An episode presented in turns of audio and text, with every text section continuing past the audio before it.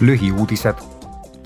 Euroopa Liit saatis Türgi ja Süüria maavärina ohvrite päästmiseks kohale enam kui kümme otsingu- ja päästemeeskonda.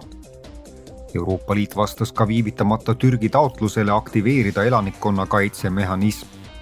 Euroopa Liidu Kopernikuse satelliitsüsteem on samuti aktiveeritud, et pakkuda hädaabi kaardistamise teenuseid lisaks on eesistujariik Rootsi otsustanud täies ulatuses aktiveerida kriisidele poliitilist reageerimist käsitleva integreeritud korra, et koordineerida Euroopa Liidu toetusmeetmeid. esmaspäeva varahommikul tabas Türgit ja Süüriat võimas maavärin, surma on saanud tuhandeid inimesi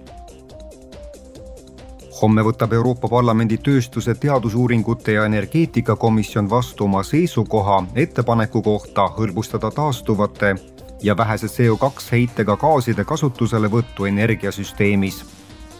eesmärk on võidelda kliimamuutuste vastu, vähendades Euroopa Liidu gaasituru CO2 heidet ja suurendades energiajulgeolekut. kõikidel kuueteistkümne kuni kolmekümne aasta vanustel noortel on võimalus osaleda üheksandast kuni kümnenda juunini Strasbourgis toimuval viiendal Euroopa noorteüritusel osalejad arutavad ja jagavad mõtteid selle kohta, kuidas kujundada Euroopa tulevikku. kavas on ligi kakssada üritust, sealhulgas arutelud, võrgustike loomise istungid, kunstilised etteasted, spordi ja interaktiivsed töötoad.